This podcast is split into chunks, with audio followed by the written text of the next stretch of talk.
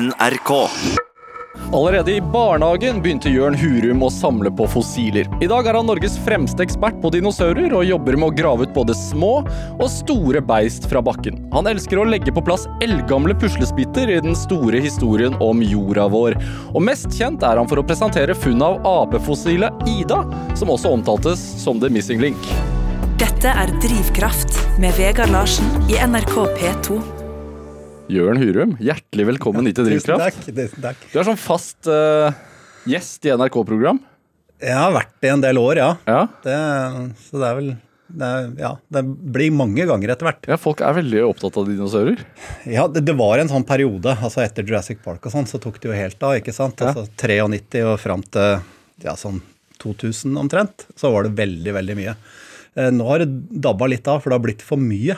Blitt for, blitt for Ja. mye dinosaurer. Altså det dukker jo opp eh, Fra Kina så dukker det opp minst én ny dinosaur i uka. Eh, Så, så nå er liksom markedet er litt metta. er det sant? Ja, ja, da- Å nei, enda en kjøttetende fjærkledd dinosaur fra Kina. Gjesp. Det er litt sånn, eh, så, så det blir litt sånn derre sånn, Ja ja, nei, nå er det ikke noe vits å linge ørnen om det, for nå er det for mange dinosaurer.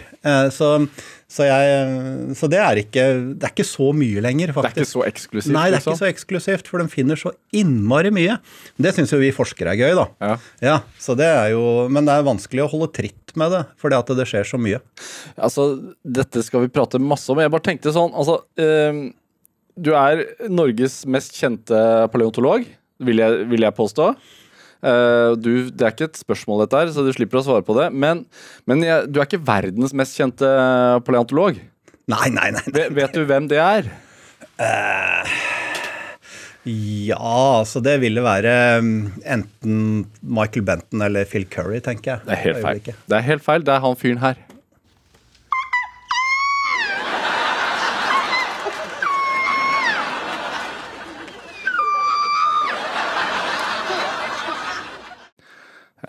Jørn Hurum, hva var dette her? De skrika der. Ikke peiling. Dette er uh, Ross Geller fra TV-serien Friends som oh, ja, ja, ja, etterligner lyden av en velisiraptor. Vel, velociraptor. Ja. Ja. Ja, mm. ja. ja, Han, han, han er verdens mest kjente palantolog. Ja, ja, ja. Eh, absolutt. Jeg hadde draget på den beste, da, fineste dama. Og nei, det var, det var mye bra som foregikk da, de åra han var sammen med Rachel. Ja. Men tror du en eh, velociraptor vil altså, hørtes sånn ut? Sånn som vi hører dr. Ross Geller imitere her? Det er veldig vanskelig å si. Vi har ikke noe sånn eh, spor av eh, hvordan den lagde lyd. Sånn som med andre, Vi har jo en dinosaur som har en sånn svær sånn en, eh, Ser nesten ut som en trombone på huet, Parasaurolophus, som de har lagd modeller av, av hodet på og blåst det. Og da høres det litt ut som danskeferja. Eh, Så det er litt sånn der, litt mer brumming, da. Men, eh, eh, men disse velociraptorene Så klart de hadde noen lyder, men om de hveste eller om de skreik altså, Det er veldig rart hvis de skriker som fugler, da, for det Altså, de har vel ganetak som minner mer om krokodiller enn fugler, sånn sett. Så, men vi vet ikke. De er jo ganske nær slekt med fugler. Og det som er nå, er jo at eh, hvis du ser tilbake til sånn, sånn når Ross Geller holdt på som verst og sånt nå, så så var jo velociraptoren han var jo kliss naken. Han hadde blitt så flau av å se seg sjøl i dag. Altså velociraptoren, bare for ja, å Velociraptor nå, det er en sånn tobeint uh, rovdinosaur på størrelse egentlig med en schæfer. Og det er den dinosauren som har sånne gjeller eller finner som den tar, slår ut Nei, det er? Dilophosaurus. Det er dino... ok. Og dette er Jurassic Park 1, ikke sant? Ja. Og den, når vi snakker om Jurassic Park 1, det er den som hopper rundt inne i kjøkkenet når ungene gjemmer seg.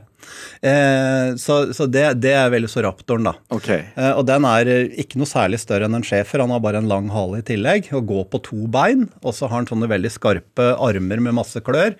Og så de, de første filmene av Jurassic Park framstiller han jo som uh, skjellkledd. Uh, men det vi veit i dag, er at den var full av fjær. Han hadde jo dunjakke, den der uh, dinosauren. Så den, så den jo, hadde jo en sånn masse dun på seg, så den ser jo mer ut som en sånn kalkun fra helvete enn en sånn en, enn en sånn en, sånn en kliss naken tobeint firfisle? Sånn som de framstilles da i Jurassic Park, i hvert fall eneren. Ser mindre fryktinngytende ut. Jeg veit ikke, jeg. Alle tenna er jo der, og alle klør er der. Men du må liksom skru om veldig da, for å se det for deg. Se den nye rekonstruksjonene som har kommet siden det. Men hvorfor trodde man at den ikke hadde fjær? Ja, Det hadde ikke funnet fjær. Eh, nå har vi funnet fjær på en hel haug med dinosaurer. Igjen tilbake til alle disse funnene i Kina. Der har vi dinosaurenes Pompeii. Og det er et område der det er funnet hundrevis av dinosaurskjeletter av forskjellige typer.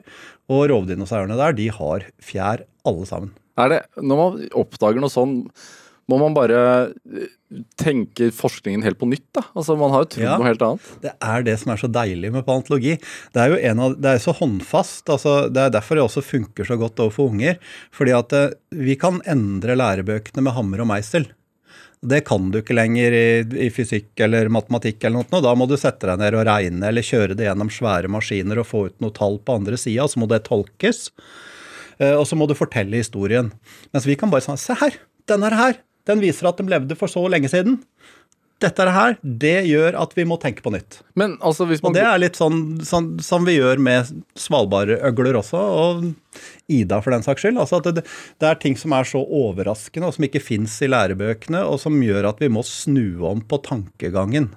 ja, men, Når man går i leketøysforretningen og kjøper dinosaurer, så det er ingen av de som har fjær. Jo, jo. Nå kan du, hvis du kjøper de nyeste modellene, f.eks. en Raptor, så har den da eh, så, så ser du at den er mer ruglete på kroppen. altså de, Allikevel om det er plastmodeller, da, så har de begynt å ta inn det at de faktisk har fjær på kroppen. Til og med sånne store terresinosaurer har nå fjær på kroppen hvis du kjøper fra Sleich eller Papo. Det er de to beste produsentene av plastdinosaurer.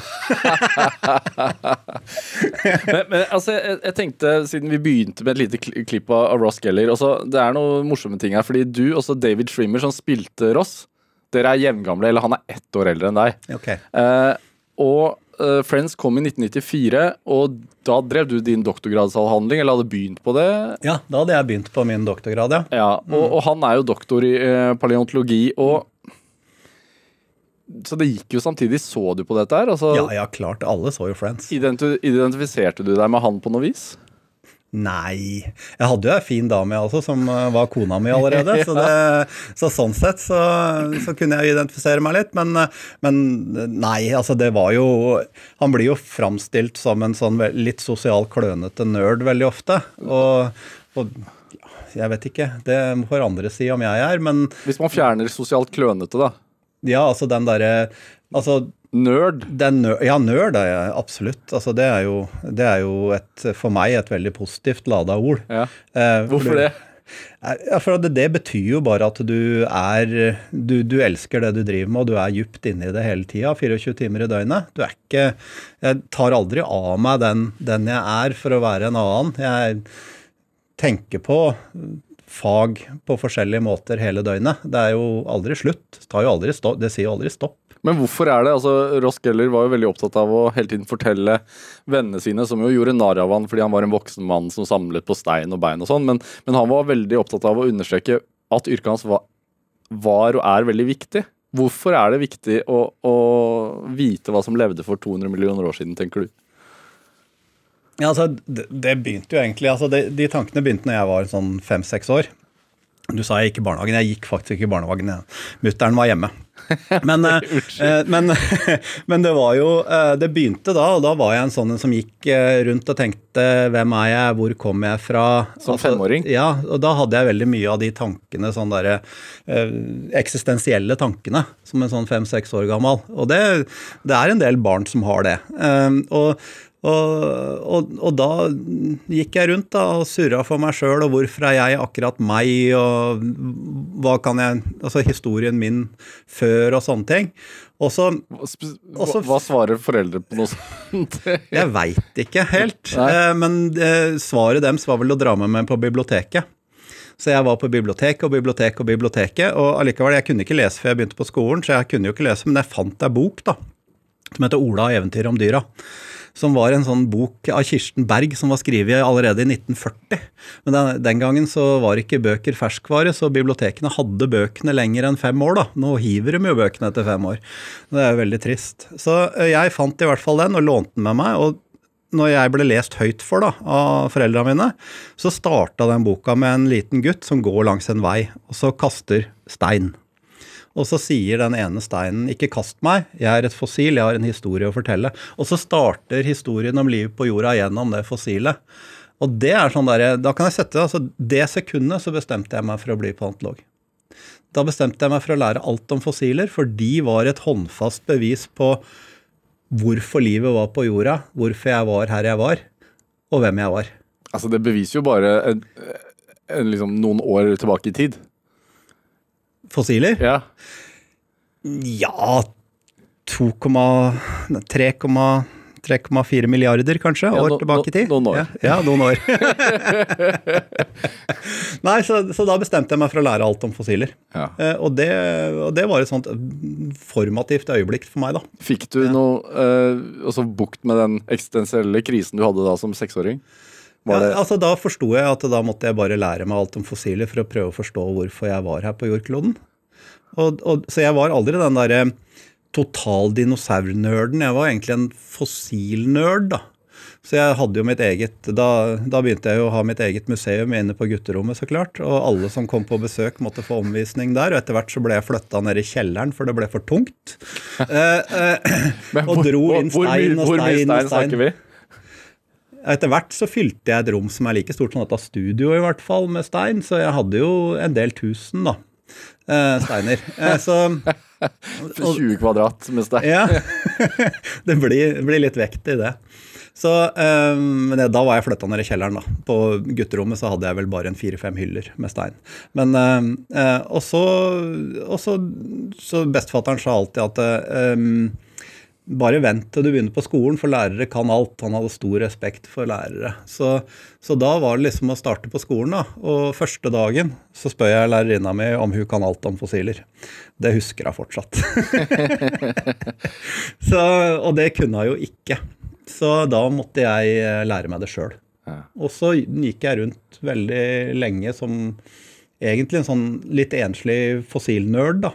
Eh, Og ingen andre som hadde den interessen. Helt til jeg oppdager da på biblioteket igjen at eh, i et sånt tidsskrift som heter Naturen, så var det noen fra Paleontologisk museum, David Bruton, som hadde skrevet en artikkel. Og det var et museum i Oslo. Men jeg var jo vokst opp i Mjøndalen. Oslo var jo ikke by. Altså, Oslo var skummelt. Eh, Vi var jo aldri i Oslo. Eh, Byen for oss var Drammen. Du må, bare, Unnskyld, men du må, Ja. må prate inn i mikrofonen, ikke Ja. over den. Nei, Sånn, ja. han siger her. Ja. ja. Nei, så, så da var det eh, Da var det, og da fikk jeg arbeidsuka mi, da, i 1982. På Paleontologisk museum i Oslo. Og det var første gangen jeg traff noen voksne som hadde da? samme interesse som meg. Da gikk jeg i åttende klasse. Så da var jeg jo 14, da. Jeg tenker sånn når man er Altså som barn og samler på fossiler og stein, det er jo Det tenker jeg er søtt, da. Det, for det gjør veldig mange barn. Små barn er opptatt av steiner først. Ja, ja. De plukker det opp, ser på det. Ja. Og så har man jo en dinosaurinteresse. Det er det jo veldig mange barn som har. Og så vokser de seg av seg. Men du, selv i tenårene, når man begynner å bli opptatt av idrett og øh, sånn jeg tenker i din alder, kanskje rock øh, og divers musikk, så var du fremdeles opptatt av stein, og du fikk jobb på museum i en alder av 14-15. Altså, hvordan hva, hva sa dine jevnaldrende? Altså, hvordan var det egentlig? Fordi nå høres det så veldig lett ut. Ja, altså nei, eh, jeg, sport, jeg har vært en sportshater hele livet. Jeg ser jo aldri en sportssending, jeg hører aldri en sportssending. Eh, Så, så det har ikke vært noe å savne for meg, da. Men, eh, men det, når du sier rock, så, så er jeg på mye konserter fortsatt. Og, og relativt tung rock, det er meg. Men, så det, det er ikke noe problem å kombinere med å være en fossil nerd, da. Så det Nei, det var, eh, det var bare sånn jeg var den gangen. Den, eh, jeg hadde tatt de valga og var på, var på arbeidsuke og fikk kontakter da inn til professorer og sånt nå på, på universitetet, da som 14-åring. Og, så- og så baller det seg på. Det er, no, det er noe med å klare å holde den der interessen igjennom puberteten. Men var du en, altså en enstøing? Nei, jeg var Nei? ikke det. Hadde masse venner.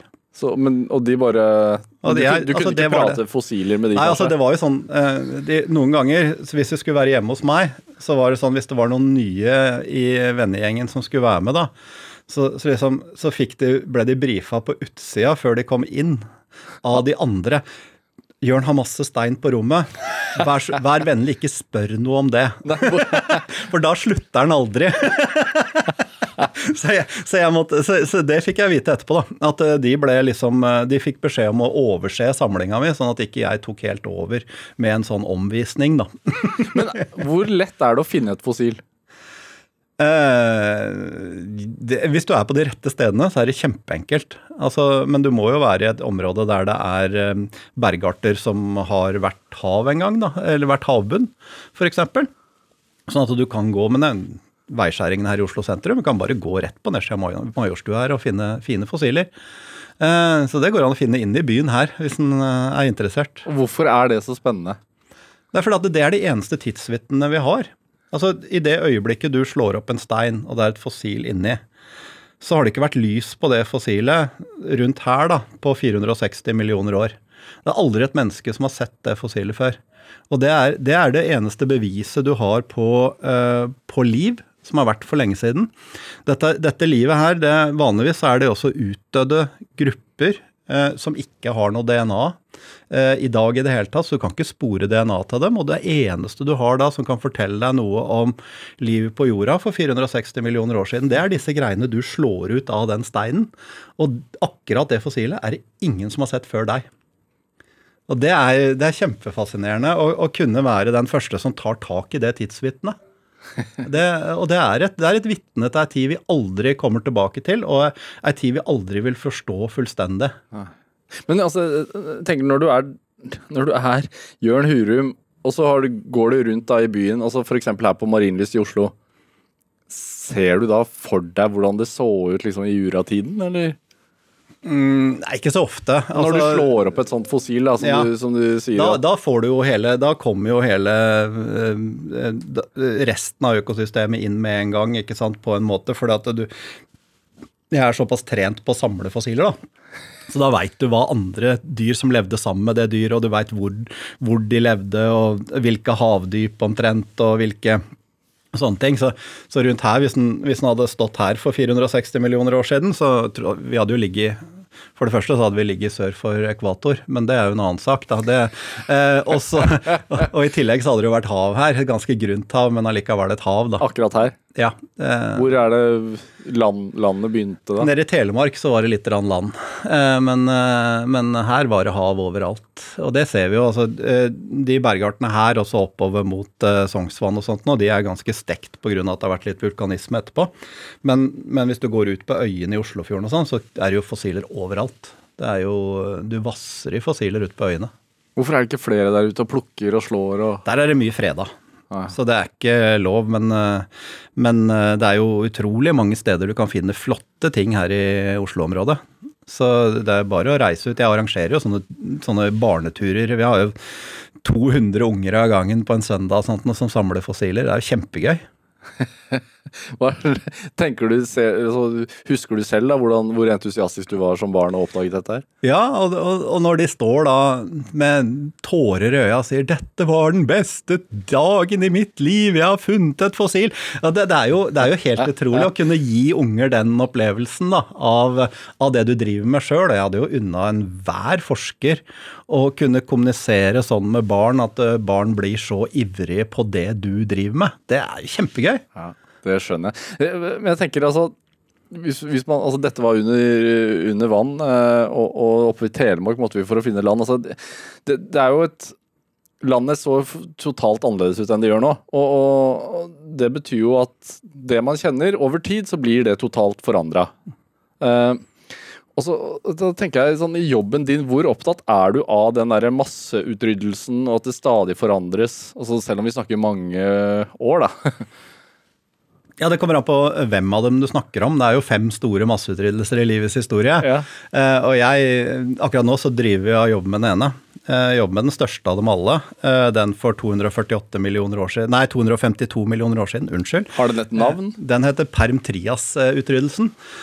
Og den er, det er den aller største. Det var det nærmeste jorda har blitt Mars noen gang når det gjelder liv. Det var jo over 90% av alt liv i havet som døde ut. Og også veldig mye på land. Hva var det som skjedde da? Eh, Da ble Sibir danna. Det var de største vulkanutbruddene i jordets historie. Så, eh, og, og den eh, Da var det ei bukt på toppen da alle, alle disse Alle kontinentene hang sammen. Det kaltes Pangea på det tidspunktet. Altså, det var ikke sånn det ser ut i dag? Nei, nei, nei, absolutt ikke. Afrika, Sør-Amerika, og Nord-Amerika, Europa og Russland og sånn, det hang sammen Kina til en sånn svær klump. Og på toppen av den klumpen så var det ei bukt. Og den bukta, den har seinere blitt til Svalbard. Og, den, og der er det Så rett og slett, der var det havbukt, og der er det avsetninger fra akkurat da denne store katastrofen skjer. Det er greit nok, vi veit omtrent hva som skjedde da det smalt og nesten alt liv ble borte. Hvordan veit man det? Ja, du kobler det mot de store vulkanutbruddene, som fortsatt Altså, all lavaen ligger jo i Sibir og danner masse av Sibir. Så det er jo ganske greit å, å se da, når du har eh, et område som er da eh, like stort som Australia, som er dekt av tre kilometer med basalt. Så er det, det, er, det er liksom Det er den størrelsen på det området i Sibir. Så så det er ganske greit å se at det har vært veldig store vulkanutbrudd der. Men det jeg jobber med, det er de laga som kommer etter, for å se hvordan livet kommer seg igjen. Ja. Og, og, og på Svalbard så har vi da flere lag som er like etter, og som viser hvordan disse økosystemene kommer seg igjen. Hvordan det sakte, men sikkert begynner å bli mer og mer liv i havet. For det er jo litt som overlever. Og så er det hvordan det klarer å utvikle seg. Og vi har funnet masse kule fossiler fra like etter denne utryddelsen. Dette er Drivkraft med Vegard Larsen i NRK P2. Og i dag har vi paleontolog Jørn Hurum her hos meg. Paleontolog Veldig vanskelig å si.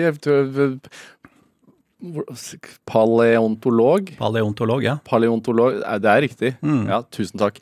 Eh, vi snakker om masseutryddelse. Eh, Ja. vi snakker om den store masseutryddelsen. ja. Men ikke minst det vi snakker om, er hvor interessant det er når livet liksom begynner å komme tilbake igjen. Og når er det, er det den gang, altså, eller var det da at naturen tok en sving og liksom begynte å utvikle seg til det vi kjenner i dag?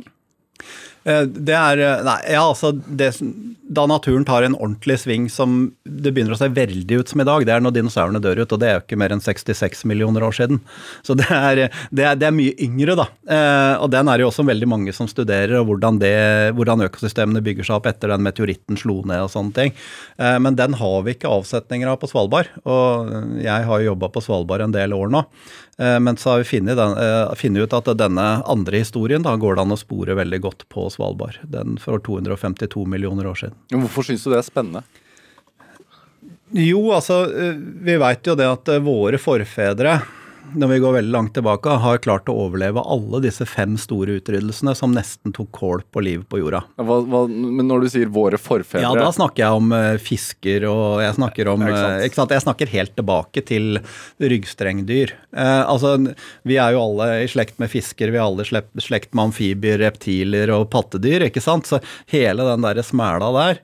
Og, og, og vi har jo vært vinnere hver gang gjennom alle disse store katastrofene i forskjellige former, da. Jeg liker at du sier 'vi' om alle artene. Ja. Ja.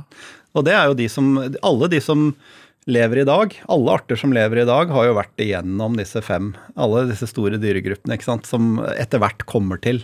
Men alle har jo forfedre som har vært Har full suksess tvers igjennom og klart å overleve disse store utryddelsene. Hvis ikke så hadde de jo blitt borte. Sånn som fiskeøgler og svaneøgler som vi finner på Svalbard, de er borte. Ja. Det fins jo ikke noe igjen av dem. altså De klarte ikke den derre Svaneøglene levde jo, døde ut sammen med dinosaurene. Hvordan ser en svaneøgle ut? Svaneøglene ser ut som, eh, hvis du tenker deg en veldig feit kropp med fire like store loffer og en kort hale, og så et veldig lang hals og et bitte lite hode. Og så svømte de i havet. Skilpadde med langt hode? Ja, hvis du tar en havskilpadde og trer en slange gjennom, ja. så, så har du en svanøgle, og de ble en sånn seks-sju meter oppe i det havet som dekka Svalbard den gangen. Og de har vi gravd ut 28 skjeletter av. Så de er, de er ganske vanlige. Og, eh, og de har jo ingen spor etter i dag i det hele tatt. Altså, de er ingen etterkommere i det hele tatt. De ble, de forsvant sammen med de siste dinosaurene da, for 66 millioner år siden. Men er det likheter uh, i dag i noen arter. Nei, det, det, er jo, det er jo det kule med svanøgler. Da, at det er jo ingenting som ser sånn ut i dag. Og det er ingenting som lever på den måten i dag. Så vi, vi vet jo ikke helt hvordan de svømte engang. Men de trives i 100 millioner år. Og allikevel så, så blir de borte, og de er eh, Vi vet ikke hvor de nesten Ja, vi vet litt om hvor de kommer fra, men, men hvordan de levde og sånn. Veldig lite kunnskap rundt. Men de var i alle hav, og hadde det veldig bra, da. Tydeligvis. I veldig lang tid. Du tenker på oss som art, ikke sant, som er kanskje altså Homo sapiens er 200 3 kanskje 400 000 år, hvis vi strekker den lett. Så er jo det ingenting i forhold til sånne store dyregrupper som det. Nei, jeg vet ikke. Bremser dette din eksistensielle krise, eller, eller blir, det, blir det mer, mer krise av det når Nei. du finner ut disse fakta? Nei, det blir jo ikke altså Det blir jo bare veldig spennende da, å se at vi også som mennesker er jo bare en art som eh, lever litt en stund. Og vi kommer til å dø ut, vi også. Som alle andre arter som har levd. Altså Det naturlige er jo å være utdødd. Hvor lang tid gir, gir du oss? Eh, store pattedyr, eh, mellom 1 og mil, to millioner år, lever vanligvis en art. Så vi er jo halvveis hvis vi snakker om 1 million, da. Og så har vi god stønn igjen hvis vi snakker om to millioner. Men det er jo ingen, det fins ingen arter som lever evig. Men er det, Fins det arter i dag som levde under dinotiden? Ikke arter, men slekter. Masse slekter. Som Eh, som, eh, som har da omtrent samme måte å leve på i dag. Altså ja, masse forskjellige fisker og masse forskjellige eh, Nautilus-blekkspruten og masse forskjellige skjell og en del koraller og sånne ting. Eh, Som lever, eh, som er veldig like, eh, men som er, har da ikke sant, De har ikke stoppa å utvikle seg, men de ser ganske like ut i dag. så sånn krokodiller og sånn, det, Ja, det er en ny, og ny krokodiller, oppfinnelse. krokodiller og skilpadder og sånn overlever jo også, og de, de er jo ganske like. Da i hvert fall i krittperioden, hvis du ikke går lenger tilbake da, til den siste perioden der det lever dinosaurer, så er krokodiller og, og skilpadder og sånn ganske like sånn som de lever i dag. Hvorfor tror du ikke at de har utviklet seg? Eller Ja, de har jo utvikla seg. Alle har utvikla seg. Altså, du sier at vi, det, er- det er det derre Når de sier at vi stammer fra sjimpansene altså Vi gjør jo ikke det. Sjimpansene og vi hadde felles forfar for kanskje sju millioner år siden. Og så har sjimpansene fortsatt i sin utvikling og spesialisert seg på sin måte, og så har vi spesialisert oss på vår måte. Så det er ikke sånn at vi stammer fra dem, fordi i dag så har jo de hatt en like lang utvikling som oss. Vi, vi, alt liv er i slekt. Men vet vi Altså, når, når du kan snakke om eh, disse Hva kalte du det, det med de loffene? Eh, svanøgler. Svanøgler, ja. Hvordan de svømte Eller det vet man ikke hvordan de svømte, men at de levde i mange hav og sånn for Ja. mange herrens millioner år siden. ja. Men vi vet ikke helt sikkert hvordan vi ble utviklet. Altså sjimpansene og sånne ting, ja, men Ja, det, det har vi ganske godt dekt med mye fossiler i, i Afrika. Og etter hvert også andre steder på jorda. Når Homo erectus begynner å vandre ut og sånt nå, så har vi jo ganske godt dekt den derre Homo erectus, for de som ikke vet. Eh, Homo erectus er, er jo Altså, vi er jo Homo sapiens, da, så det er en annen, eh, annen art av slekten homo som vi hører til. Eh, og, eh, og, og, og disse har vi ganske god kål på. Eh, disse siste millioner av år, par, tre, fire millioner år, har vi ganske god dekning på. Eh, men, eh, men så kommer du lenger bakover, så begynner det å bli litt, rann, litt rann mer eh, ett funn her og ett funn der, da. Ja, vi snakker jo hele tiden om the missing link, da. Ja, men det er jo det er en sånn misforståelse, egentlig. For i det øyeblikket du finner et sånt et fossil Hvis du har, hvis du har et fossil eh, for to millioner år siden, og så har du et fossil for én million år siden, og så finner du da, og kaller det missing link midt imellom der. Men det betyr jo at du to, mangler to fossiler til. da. Så du, ethvert fossil så, så dobler du egentlig eh, antall missing link. Så, så, det, så det, det at du finner det der ultimate som forteller overgangen mellom store dyregrupper og sånt nå, det er, det er veldig, veldig sjeldent. Altså vi har jo fisker som begynner å få bein, f.eks. Altså, som du ser er, er da har da en løsning på knoklene i skuldre og hofte og, bei, og loffene, så, eller finnene, som gjør at de er, i, er, på vei til å få bein. Men de har jo aldri tenkt ut at de skal få bein en gang, og tær og fingre og sånt noe. Dette er jo, det, er jo, det er jo en grunn, det er jo en tilpasning kanskje til å leve på grunna og åle seg innimellom mye trevirke på bånd eller et eller annet sånt noe, eller dra seg opp på land for å legge egg eller sånne ting. Ja. Det samme med dinosaurer og, og, og, fugler. Overgangen der er jo nå utrolig bra dekt. Så vi har jo ikke én ting som altså Der blir jo ofte denne urfuglen fra Tyskland, Archeopteryx, eh, blir kalt uh, da missing link. Hva er det som er spesielt med den? Den, har, den ser ut, altså Hadde du, hadde du nappa alle fjæra hans, så ser den ut som en dinosaur, men han har så mye fjær at han ser ut som han kan ha hvert fall glideflyet, hvis ikke han også kunne ha flaksa. Men den har jo fortsatt tenner i munnen, og den har klør på vingene og sånt. Så, så den er liksom den perfekte forklaringsmodellen, da, hvordan du går fra én dyregruppe til en annen. Så det er noen sånne, noen sånne, fossiler som vi har, som kan fortelle de store overgangene mellom dyregrupper. Det, altså, det finnes jo masse sånne teorier om øh, hvordan mennesket ble menneske. Uh, og det, det, det er f.eks. en fyr som heter Terence McKenna, som har en sånn stoned ape-teori. Har, du hørt om det? Nei. Det høres ut som det innbefatter noe hasj, da. Jeg er ikke langt unna. Men at, at aper eller sjimpanser eh, eh, spiste noe sopp som de ikke skulle, skulle, ha spist, i store mengder, som gjorde at, uh, at de ble utrolig seksuelt aktive. Og gikk utenfor sin egen gruppe, og, og ut av det så, så, kom da vår art opp. det er jo spennende, det. Uh, Men hvorfor tror du at det er så mange sånne forskjellige teorier om akkurat altså det, det, som er veldig rart, er at vi har jo en ferdig uh, hjerne for minst 200 000 år siden. Og så finner vi ikke på å lage skriftspråk og, og byer før 7000 år siden. Så hva er, hva er, det den hjernen gjør i mellomtida? Altså Det er jo masse teorier på. Vi skjønner jo ikke det. Altså, hva er favoritteorien? Hvorfor brukte de ikke den der, den der hjernen før det? Liksom? Hva, hva, er, hva, er, grunnen til det? Er den bare ja, hva brukes den til? Det er jo altså Hva tror du? Da, det, ja, nei, det er jo utrolig mye når det gjelder um, når det gjelder eh, det å skaffe seg mat og det å få seg dame, da. Du bruker mye av hjernen på det. det. Men eh, det er veldig rart at det tar så lang tid når vi ser at hjernen har det volumet han skal. Og det er jo ingen som veit. Det er hundrevis av teorier. Og jeg har ingen favoritt der. For jeg skjønner ikke eh, hva som er grunnen til det. Men det er veldig, veldig rart at du får det der plutselige hoppet etter så lang tid.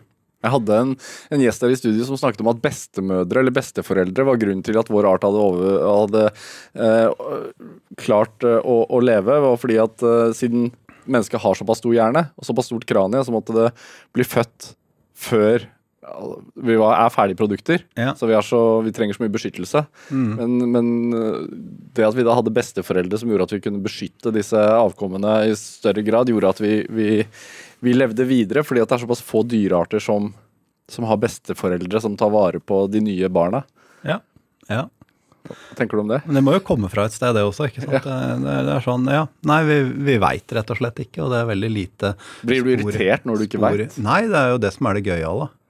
Det beste som fins, det. Altså, vi kommer aldri til å bli ferdig altså, med å finne fossiler. Vi kommer aldri til å bli ferdig med å studere fossiler og, og lure på ting. Altså Det dukker jo opp nye ting hele tida. Vi har jo altså, se, altså, vi har holdt på med den der vitenskapen sånn ordentlig i biologi i 150 år. Og i paleontologi så kanskje enda mindre. Altså klart, Vi er jo ikke ferdig med å utvikle en eneste teori. Vi er ikke ferdig med vår forståelse i det hele tatt. De som, de som er så positivistiske at vi tror at vi er der at vi ikke trenger mer feltforskning f.eks., for, for de kan finne ut alt fra det som er publisert hittil det er jo bare tøys. Altså, Vi er bare i starten på vitenskap. Snakk, snakk, med meg om 10 000 år. Kanskje det kommer til Kanskje vi har kommet noen vei. Men, vi, men, men, det er jo det som er gøy, da. Å få lov til å legge de derre små puslespillbrikkene i vitenskapen som du veit kommer til å stå der, i hvert fall ei stund. Ja. Altså Det der å finne på det store revolusjonerende eller sånt, nei, vi er, vi er så vidt starta, vi på den vitenskapelige revolusjon. Lagt et par brikker, bare? Ja, bare et par brikker. Og det, det er innen alle felt. Men hva, altså, siden du gir oss, uh, Jørn Hurum, siden du gir oss uh, Ikke så veldig gode fremtidsutsikter som art. da. Hvor, hvor lang, altså 500 000 år til, eller hva var det du sa? Ja, det er jo, men, men der har jo legevitenskapen, da, som hele tida jobber mot å gjøre oss udødelige. Ja. Ikke sant? Det, er jo, det ser jo ut som det er hovedpoenget med legevitenskapen, er på en måte den derre å, å, få oss til å bli udødelige, da. Men Hva tenker du tar rotta på oss? Uh, nei, det vet jeg ikke. Det er mange fine måter når du går bakover og ser på alle de katastrofene som har vært. Så, uh, men, uh, men, nå er jo vi en veldig spesiell art og en veldig spesiell måte å, å, leve på. Men det, det, først og fremst er det jo kroppen vår som blir utslitt. ikke sant? Så vi, vi jobber jo nå med å bygge med å, med å kunne lage alle kroppsdeler syntetisk. Det er jo ikke sant, Alt skal lages. Hjerte, armer, bein. Eh, alt skal lages. Det eneste vi ikke klarer ennå, er hjernen. Men, men, der er vi også, der hjerneforskerne prøver jo å digitalisere hjernen. ikke sant? Altså I det øyeblikket vi kan overføre hjernen vår til en harddisk, så har vi evig liv. Og det er, jo, det, det er liksom det neste steget, da. Og da kan vi jo snakke om om vi er utdødd eller ikke, eller om vi blir helt digitale. Men da er det jo mer Eirik Newt du bør snakke med enn meg. men, men, det er jo også, siden du har forsket en del på utryddelser, da. Mm. Hva, og det er jo masse snakk om at vi befinner oss midt i en ny masseutryddelse uh, for tiden. Ja. Hva tenker du om det, da? Burde du ikke heller forsket på det? Nei, altså uh, Mye forskning er jo etterpåklokskap, og det er vel egentlig det jeg driver med. Uh, uh, så, og jeg Nei, det er, det er, nok av de som kartlegger det. Men altså, altså for oss paleontologer så er jo en utryddelse Da er, du, da er arten helt borte.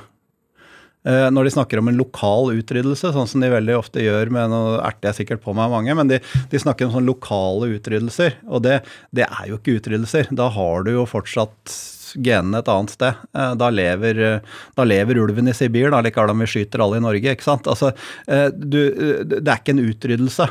En utryddelse for meg er total. Da snakker vi om at de aldri kommer tilbake, at de aldri er her igjen som art.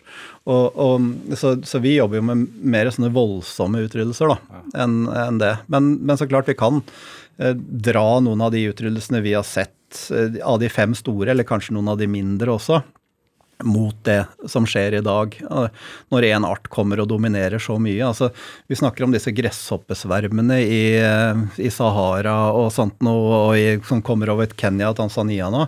Altså, er det én ting som er en gresshoppesverm i verden i dag, så er det jo menneskene. Altså, vi svermer over hele jorda og spiser opp alt. Alt. Det er vi som er gresshoppene, det er ikke gresshoppene. så, så, det er jo virkelig vi som tar da og spiser opp hele, hele jorda. Um, alle, du, alle, store dyr. Og hvordan har du sett det tidligere? Ja, Vi ser det altså, så fort menneskene kommer inn på et nytt kontinent. Når de vandrer inn i Nord-Amerika, når de vandrer inn i Sør-Amerika, når de første menneskene kommer til Australia.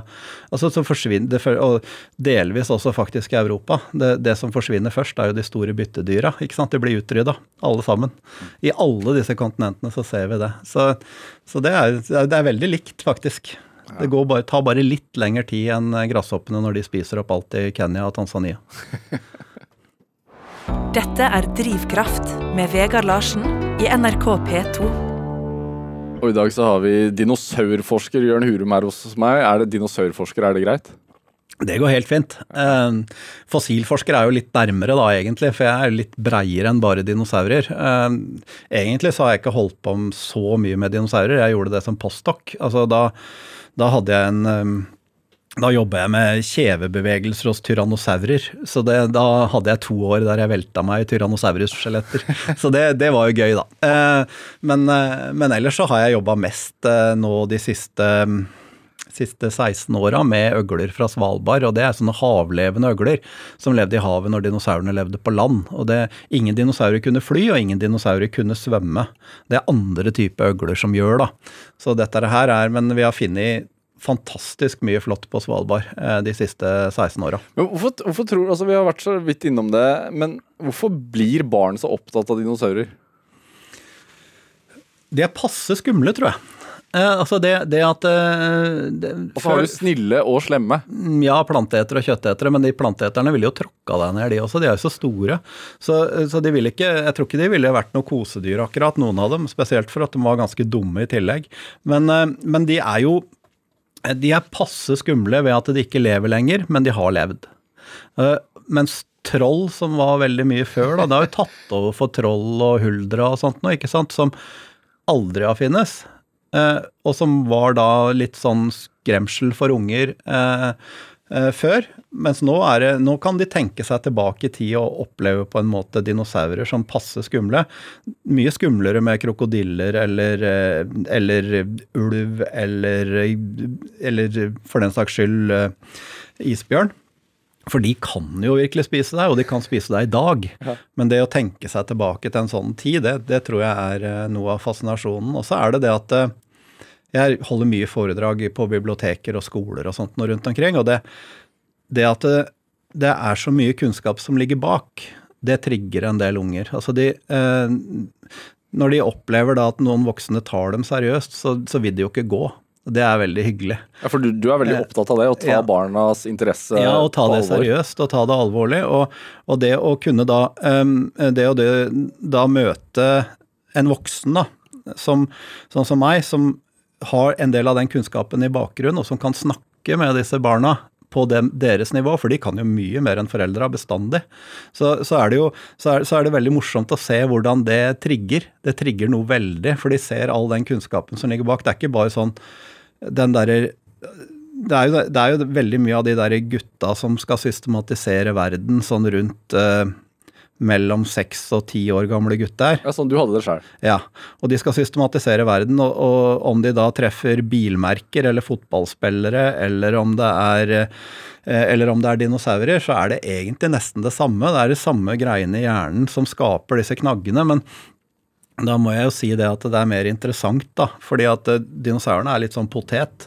Den åpner jo da historien om livet på jorda. Den åpner de store katastrofene, den åpner revolusjon. Den, altså du kan dra inn ekstremt mye forskjellig da, enn du kan gjøre med fotballspillere. Det er mye action rundt. ja, ja. Men hadde du, hadde du en favorittdinosaur som barn? Altså Tyrannosaurus rex som alle andre. Altså Herlighet. Det, altså, det er jo liksom Marilyn Monroe i paleontologien. Det, det er jo ingen som kommer over den. og Det er jo det latinske navnet unger lærer seg først, lenge før Homo sapiens. Så kan de Tyrannosaurus rex. Hva er den største feiloppfatningen med Tyrannosaurus rex? Den største feiloppfatningen med Tyrannosaurus rex, ja, det, det, det var ikke så lett. Uh, altså, den derre enslige jegeren, kanskje. Det viser seg nå at den jager i flokk. Og at, den, eh, og at det var mer skummelt enn én tyrannosaurus. Jo, ti, ikke sant. Altså, tenk på det. Men er, stemmer det at altså, Fordi du hadde arbeidsuke eh, på eh, Paleontologisk museum som eh, I 1982. 14-15-åring. Ja. Men stemmer det at eh, du er opptatt av liksom, de barna som er virkelig interessert i fossiler og dinosaurer, at du ønsker å ta tak i de, og Ja, ja, at de skal altså, vedlikeholde interessen eh, nå har jeg fire stykker nå i vår på arbeidsuker. Eh, i den alderen? I den alderen. Og det har, det har jo altså Paleontologisk museum, nå heter vi Naturhistorisk museum, er en del av Naturhistorisk museum her i Oslo, så er det jo de vi har jo alltid hatt et sånn der system for å ta imot, da, og en tradisjon egentlig for å ta imot uh, veldig interesserte, bare de søker lenge nok på forhånd. Altså Vi må ha seks måneder nesten nå, fordi at det, det er såpass mange. Men, uh, men eh, vi, vi tar dem imot, og vi har ei uke sammen med dem, så jeg skal ha en neste uke, jeg nå. Og, um, og, det, og den opplevelsen jeg hadde av det, og hvor viktig det var for meg, det prøver jeg å videreføre, og det prøver de andre også på museet å gjøre.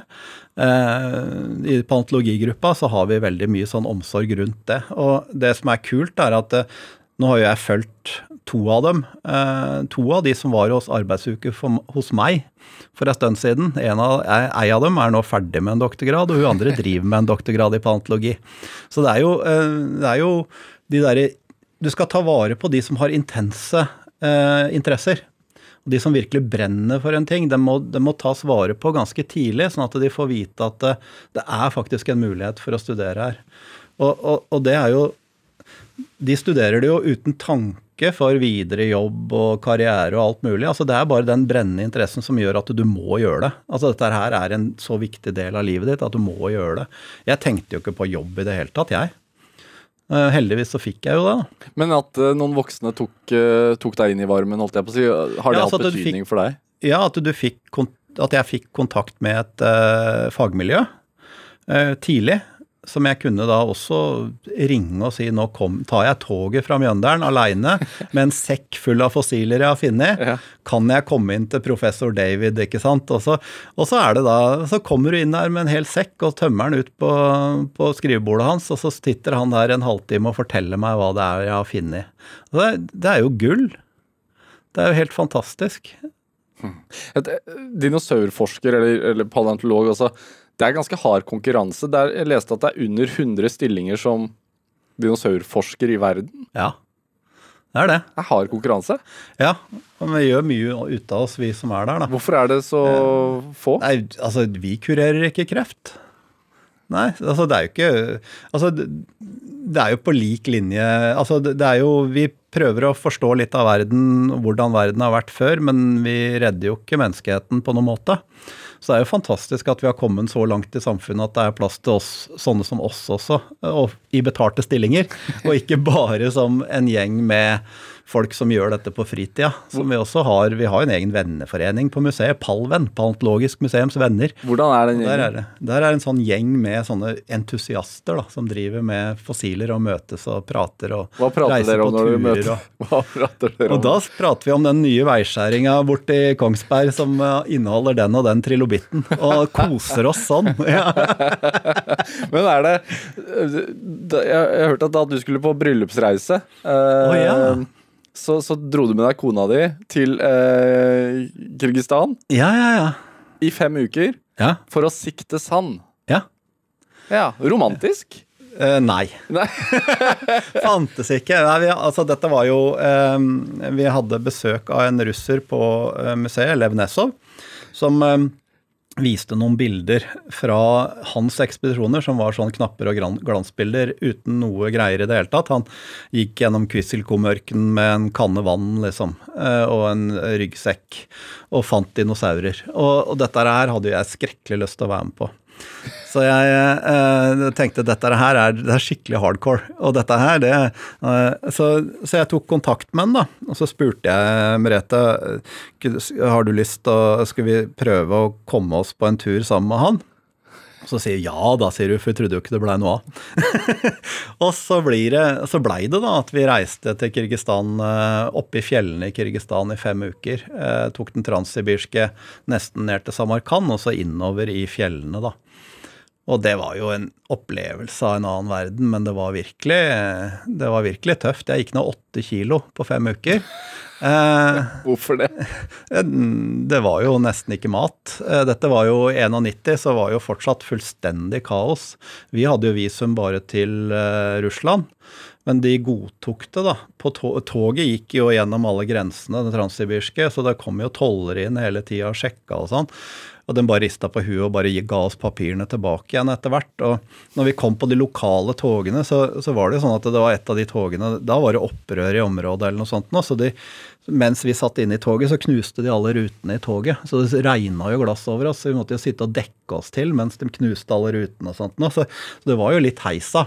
Eh, Men driver kona med noe av det samme? Eller? hun, er, eh, hun er, har en eh, ja, har hovedfag i geologi. Eh, og så har hun tatt, eh, tatt pedagogikk, eh, museumspedagogikk etterpå. Så hun, er litt interessert. ja, hun leder nå Naturfagsenteret her på Blindern. ja, og driver med undervisning av lærere og elever og sånt, og legger opp skoleplaner. Ja. Det, det forklarer jo litt, da. Nei, men jeg, jeg tenkte jo det at jeg aldri kom til å finne noen, egentlig. Fordi at jeg måtte ha noen som skjønte språket mitt. Eh, og, og skjønte det at jeg kunne være interessert i fossiler døgnet rundt. Og det tenkte jeg nei, det, det er ganske umulig. Men jeg klarte det, og det går an å snakke fag. Eh, ganske mye fag, da. Men var det, altså, var det sånn at fossiler er så viktig for deg at du tenkte sånn Heller det enn kjærligheten? Ja. Ja. Kontantsvar. ja. ja, nei, altså det faget var så viktig for meg at jeg måtte ha noen som enten så, noen som forsto meg, eller ingen. Ja. Eh, Når sa det klikk, da? Eh, nei, det var på lesesalen på geologi, det. På Blindern. Så det gikk bra, det. Hadde hun en, en fossil som hun viste deg? Bli med hjem og se på fossilen min. Ja, Ja, mm, det var det. Steinsamlinga. Ja, Ja. ja. ja, ja Jørn Hurum, jeg syns du rødmer. Dette er Drivkraft med Vegard Larsen i NRK P2. Og I dag så har vi paleontolog Jørn Hurum her hos meg. Vi prater om dinosaurer og ikke minst kjærligheten til fossiler. Og andre mennesker, da, selvfølgelig. Eh, altså, kan du beskrive for meg et sånn klassisk funn? Hvordan arter det seg? Eh, det kommer litt an på hvor du er hen i verden. Faktisk. Ja, men. For deg, altså, når, for, meg. For eksempel altså, den fiskeøgla som du fant i fjor. Ja, det, var- ja, det var en av, av Aubrey som fant den, da, så jeg skal ikke ta på meg den æren. Men når vi er en sånn gruppe som er ute og leiter etter fossiler, Ja. så er det så går vi, På Svalbard så går vi bare fjellside etter fjellside. Og da veit du at her kan det befinne seg noe. Ja, her kan det befinne seg noe. Så går vi manngard. Og det, den manngarden, den eh, Og så plutselig så dukker det opp noen små knokler på overflaten. Og veldig ofte da igjen en, ligger i en sånt ras. Sånn at det er masse knokkelbiter, og så går vi oppover fjellet. Man finner bare Da- bein i, i Ja. fjæra, liksom. Ja, og så, og så går vi oppover fjellet til der det stopper med knokler.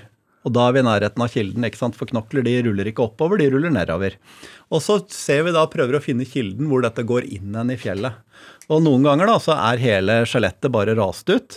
Og noen ganger da så stikker en haug med ribbein for eksempel, ut av fjellsida. Så veit jeg at det, hm, der går an å grave. Det her høres jo helt, det høres helt absurd ut. Altså, jeg, og, og sånne ting skjer hele tiden? Ja, ja. ja altså, altså, jeg kan gå Altså, vi har jo områder, da, i, spesielt da i disse avsetningene vi har jobba med siden 2004, som er sånn rundt 150 millioner år gamle.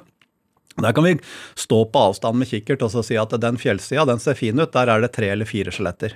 Og Så går vi bort dit, og så finner vi tre eller fire skjeletter som ligger utover på den fjellsida. Så, så vi, etter hvert så har vi blitt veldig godt kjent med hva vi kan finne, da. Men er dette fys... Det er ikke bein, da? Det er bare Å ja, det er bein. Ja. Altså, de er jo Jeg føler eh, meg som en blind mann her jeg sitter. Mm, ja. Nei, de, det er knokler. Knokler, ja, de ser ut som ordentlige knokler fortsatt, med sånne der eh, prikker i og sånt noe. Sånn som hvis du hadde kikka litt på knokler, så, så har de sånne der hulrom inni seg og sånt noe. Men de hulromma er som regel fylt igjen av noen mineraler, sånn at knoklene er litt tunge. Men de ser Formen på dem alt er akkurat som vanlige knokler. Så sportsspørsmål, hva, hva føler du da når du finner noe sånt? Det er jo rush. Det er jo, det er jo akkurat som gullgraving.